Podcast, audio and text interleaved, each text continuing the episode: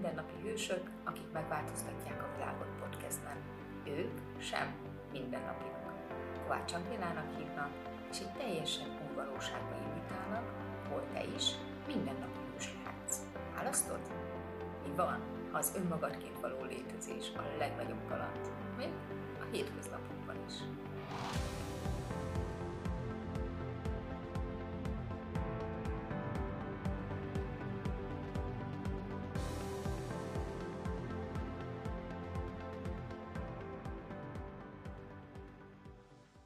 Szeretettel köszöntünk ismét benneteket. A mai hősöm egy nagyon különleges választással valahol azt választotta, hogy ő még jobban szeretne élni, és még többet szeretne élni. A mai beszélgető társam Zsófi, akivel, hát nem is tudom hány évvel ezelőtt egy Being You kurzuson találkoztam, és hát, ha most így őszinte akarok lenni, akkor úgy, úgy az nincs meg nekem. Tehát, hogy nem nagyon tudtunk kapcsolódni, vagy így emlékszem, emlékszem, hogy kérdeztél, és aztán úgy eltűntél, a anyukád mondta, hogy egy műtéted volt, és amikor újra találkoztunk, és onnantól kezdve választottál több ilyen workshopot, valamit, egy teljesen más személy lett volna. Tehát, hogy nagyon könnyű beszélgetni, nagyon könnyű kapcsolódni vele, invitálod az embereket arra, hogy éljenek. Szóval itt ezelőbb viccelődtünk azon, hogy hát kinek mi működik, neked, neked egy műtét működött, ami így elég furcsa, de hát valószínűleg ez az elején még nem így volt. Tehát beszélne egy picit erről, hogy te hogy élted meg, te hogy látod ezt a változást a kórházzal kapcsolatban, hogy hol volt az, ahol te mást választottál, és, és önmagad érzései után mentél, bármi, ami most így eszedbe jut, tudnál-e nekünk mesélni egy kicsit erről? Igen, hát én is üdvözlök mindenkit, és szerintem az 2020 augusztusban volt talán, amikor ugye a Being you találkoztunk, és akkor nekem már három hónapja, hát így 24 órába fájt a fejem. És akkor arra emlékszem, hogy ott már nagyon fáradt voltam. Ez egy fura érzés volt, mintha érzékeltem a körülöttem lévő világot, de olyan nagyon furcsán, tehát hogy de mégsem gondoltam arra, hogy valami nagyobb baj lehet. Tehát ugye mindenki mondott mindent, hogy miért fáj a fejem, és akkor végül is a augusztus vége, szeptember elején, akkor már kettős látásom is lett, és elkezdett egy idő után bandzsítani a szemem, mert hogy ugye az agyam megpróbált ezt korrigálni, és hát akkor már ott kezdtük sejteni, hogy ez nem csak egy sima ilyen migrénes fejfájás, és aztán meg elkezdtem hányni állandóan. És akkor elkerültem egy neurológushoz, ő mondta, hogy először azt hitte, hogy agyvérzésem volt, aztán mondta, hogy az nem agyvérzés, de azonnal menjek be egy sürgősségire, és akkor szeptember elején bementünk a Honvéd Kórház sürgősségére, ott csináltak egy CT-t, és mondták, hogy a, a bal fülem mögött egy elég nagy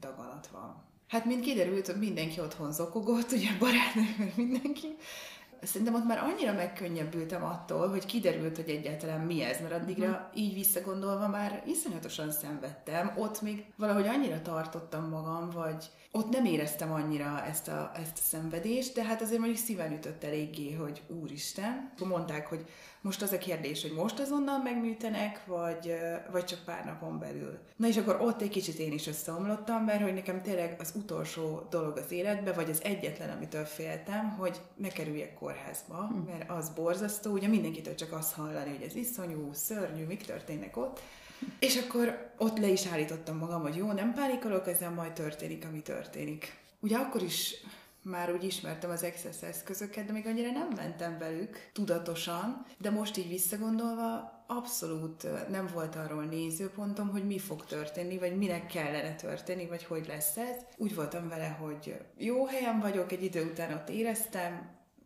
ők tudják, hogy ezt meg kell oldani, én megteszem, amit én meg tudok tenni, és végül is, így visszagondolva, valamelyik, nem is tudom, az egyik barátnővel beszélgettünk erről, nekem ez nagyjából olyan volt, mint egy ilyen, most szüljén fog hangzani, mint egy ilyen wellness két hét, mert hogy így jöttek emberek, velem foglalkoztak, iszonyatosan jó kajákat kaptam, nagyon cukik voltak a nővérek, az orvosok, mind kiderült minden ilyen neccesebb, mit tudom én, egy ilyen centrálvéna szúrás, vagy ilyesmi, nekem olyan lazán megcsinálták fájdalom nélkül, ami a többi embernek akkor a szenvedés szokott lenni, hogy igazából nekem ez egy teljesen jó élmény.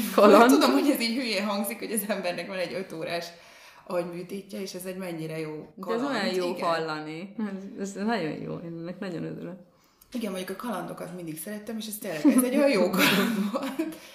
Tudom, hogy ha az embernek az életében történik ilyen, akkor utána azért úgy változni szokott. És akkor én ezt azt gondoltam, hogy ez úgy van, hogy ott így hirtelen, így megvilágosodsz, tudod, fekszel a kórházi ágyba, és ú, most így. És ez, ez nem jött el, viszont így, viszont így hónapokkal utána elkezdtem érezni én is a, a változást. Tehát először is nagyon gyorsan meggyógyultam, ugye akkor anyukám kezelt már mindenféle testkezelésekkel, meg az eszközökkel is mentünk, és akkor hát azt mondták, hogy igazából három hónap után kéne tudnom úgy rendesen úgy visszamenni az emberek közé, meg mászkálni, és akkor én három hónap után már dolgoztam újra. Uh-huh. Tehát, hogy nekem ezt nem egy-két hónap volt még úgy teljesen, meg hát hogy a szemem is visszaállt. Mert mm. először azt mondták, hogy banja maradok. az, hogy mondom az, hogy nagyon nem szeretném, nem tudok dolgozni, nem tudok csinálni uh-huh. semmit, mert tényleg nagyon a szemem az úgy állt. És akkor utána, szerintem márciusban meg már akkor mentem veletek a Maldívra, és ugye azon is mindenki kiborult, hogy úristen, de hát, hogy még épp, hogy csak befort a fejemben az egész minden, és hogy hogy lehet Szerencsére az orvosom is nagyon lesz a ilyenekbe, ő azt mondta, hogy azt csinálok kb. amit akarok. Hm. És akkor utána mentünk a Maldívra, és, na és onnantól kezdve éreztem nagyon, hogy így, hogy így egész más lettem én, a választásaim, az életem, minden, és most tényleg én is a kezembe akadt egy fotó akkoriból, és nem, nem tudom, hogy az ki. Igen. Teljesen más, tehát azt kell mondanom, hogy ha ezt kintől lehetne látni, és majd meg fogjuk mutatni, mert lehet, hogy majd feldakunk egy ilyen képen, hihetetlen. Szóval mm, bármi is jön az életünkbe, nekem ez így, ez a te hős tetted, hogy ilyen kalandosan, könnyedén beleengedted magad egy műtétbe, bármi is jön az életünkbe, az lehet hozzájárulás, és mi van, ha néha a legnagyobb hozzájárulás. Mi az, amit el tudnám mondani, hogy másképp élsz, vagy másképp választasz? Biztos, most, most ne vegyük azt, amikor nagyon fájt a fejed, hanem úgy mondjuk előtte. Uh-huh. Milyen voltál akkor, milyen választásokat hoztál akkor, és ahhoz képest változott-e valami, vagy a kapcsolódásaid, hmm, akkor is elmentél volna régen majd is szigetekre, így, hogy csak gondolsz egyet, vagy... Tehát, hogy tudnál ilyenekről mondani, hogy mi az, ami változott? Igen, hát szerintem sokkal lazább lettem. Előtte szerintem annyira komolyan vettem a dolgokat, hogy minden nagyon... És amikor az embert éri egy ilyen, hogy igazából meg is hallhattam volna, tehát hogyha még várok egy-két napot, akkor lehet, hogy mondjuk meghalok, és akkor rájössz, hogy annyira nem komoly ez az egész, és hogy mekkora ajándék, hogy igazából így élhetsz, és akkor azt tényleg nem azt mondom, hogy ki kell, de hogy milyen jó kihasználni, hogy, meg hogy ezek, ezek kalandok tényleg. Meg amikor szerintem az, hogy a legnagyobb félelmed, ami nekem tényleg a kórház volt a legnagyobb félelmem, és azt megéled, hogy amúgy ez tök jó, akkor utána rájössz, hogy így van, nem, nem tudom, hogy mivel tudnának még olyat okozni, vagy, vagy mi tudna olyan történni, hogy hát nem azt mondom, hogy földhöz vágja, mert biztos uh-huh. tudna olyan, de hogy, hogy nem kell mindent komolyan venni. Uh-huh. Igen, és lehet, hogy ez a felszabadulás, ez így megjelenik a testünkön, meg ahogy kinézünk, ahogy ragyogunk már, hogy te azóta így ragyogsz, tehát így jó rád nézni, jó, jó veled lenni, invitálod az embereket. Változott-e valami a munkahelyeden? A munkahelyemen, hát talán kevésbé vagyok munkamániás. Tehát rájöttem arra is, hogy nem, nem ez a legfontosabb, hogy, hogy ott mindig teljesítsek, és ott mindig nagyon jó legyek, és egyébként ez, egy kicsit az emberek is átrendeződtek. Uh-huh. Teljesen magától az egész. Mások tudnak kapcsolódni most hozzám. Igen, és mondjuk munka közben is talán azt mondom, hogy így az érzékeléseim változtak, vagy jobban odafigyelek rá, inkább úgy uh-huh. tudnám mondani. Hát nyilván, ahogy a saját testedre, így más testére is. Igen. Van egy célod, vagy, vagy azok a régi célok átíródtak-e? Vagy most már csak így kaland az élet? Tehát van-e benned, amit még úgy szeretnél elérni, vagy igazából csak felfedezel dolgokat? Hát szerintem inkább csak felfedezek. Sose voltam ez a típus, hogy öt éves terv, meg tíz éves, meg célok, vagy ilyesmi. De most azóta még jobban így, inkább a kalandozás, amerre az energia visz, és akkor sokkal lazábban tudom ezt most már így megtenni. Ha választhatnád azt, hogy soha nem volt ez a daganat, soha nem volt műtét. Tehát, hogy kimarad az a sok fájdalom is, de kimarad a változás is az életedben. Választanád? Nem, nem. Meg hogy a testünk annyira támogató és annyira csodálatos, hogy jó, volt, mit tudom én, ha visszaemlékszem így, talán egy-két napra emlékszem, hogy tényleg fájt, meg hogy a, nekem a nyakizmaimat is át kellett vágni, és akkor a fejemet nem tudtam mozgatni, az fájt. Uh-huh.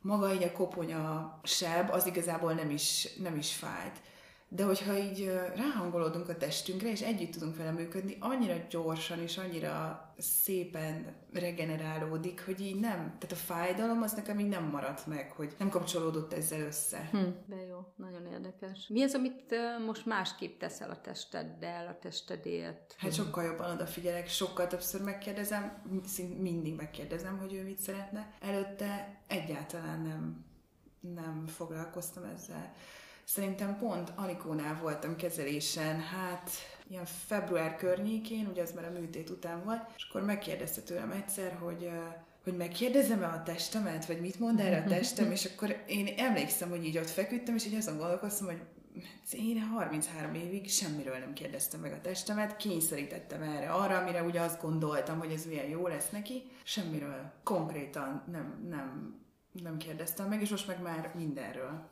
Van-e olyan, ami nagyon meglepődtél, hogy a testedet szeretni, ha publikus elmondod? nem tudom, szerintem nem volt. Mindig is szerettem a furcsaságokat, úgyhogy így szerintem nem volt olyan, amit nagyon fennek adtam. Uh-huh. De ilyesmivel kérdezed, hogy mit szeretne felvenni, mit szeretne enni, vagy, Azt vagy is, mindennel? hova szeretne menni, vagy ha, mit tudom én, úgy alakul, hogy kevesebb a munkám, akkor megkérdezem, hogy, szeret, hogy az most jó-e neki, hogy többet pihenjünk, vagy inkább tegyek bele energiát, hogy mondjuk több legyen a munkám, és akkor amit, amit választ. Vagy mondjuk mit szeretne mozogni. Uh-huh. Én mindig azt gondoltam, hogy sose szeretnék futni, meg ez milyen borzasztó, de most mégis valahogy azt Úgyhogy majd csak egy futócipőt kell venni, és akkor... Jó, nagyon érdekes. Oké. Okay. Tehát most vegyük azt, hogy van valaki, aki hallgat minket, és vagyok úgy, hogy ez szerint a valóság szerint, vagy ahogy így ezt halljuk kintről, egy eh, nagyon komoly eh, műtét előtt áll és nyilván nem vagyunk egyformák, és nem mindenkinek ugyanaz, de te már voltál ebben. Mi az, amit te mondanál neki, ha itt ő most hallgat téged? Hát szerintem azt, hogy ne kezdjen el kétségbe esni, ne, ne kezdjen el nézőpontokat gyártani arról, hogy hogyan kellene mennie ott a, a a dolgoknak is hogyan kellene működni, hanem inkább figyeljen a, az energiára, és hogy engedje meg, hogy, hogy a legjobb történhessen vele, nem ne az, amit ő szeretne így kikényszeríteni ebből a helyzetből, és hogy figyeljen a testére is, mert hogy simán lehet ezt szerintem fájdalom nélkül, meg trauma nélkül, úgy azon elgondolkozni, tehát én is annó elgondolkoztam ezen, hogy miért történhetett, uh-huh. mit szeretne a testem ezzel, hogy, hogy már tényleg egy ennyire drasztikus lépésre szánta el magát. Uh-huh. És neked meg volt, hogy mit szeretnek volna a tested? Hát szerintem igen, nekem a, a kapcsolataimmal uh-huh. összefüggésben volt, meg én uh-huh. saját magammal. Uh-huh. Meg szerintem ezt, hogy figyeljek oda rá végre. Uh-huh. Nagyon szépen köszönöm a beszélgetést, nagyon köszönöm, és hát ez egy nagyon jó kis végszó, hogy figyeljünk a testünkre, és, és nagyon jó az, hogyha, ahogy Zsófi is, ha olyan, olyan kozmetikus van, vagy olyan kezelő van, mert hogy mind a kettőt csinálja Zsófi, aki figyel a testére, az valahol azt tud figyelni a mi testünkre is, és mi kellene ahhoz, hogy minél többen legyünk ilyenek. Szóval nagyon szépen köszönöm. Köszönöm én is.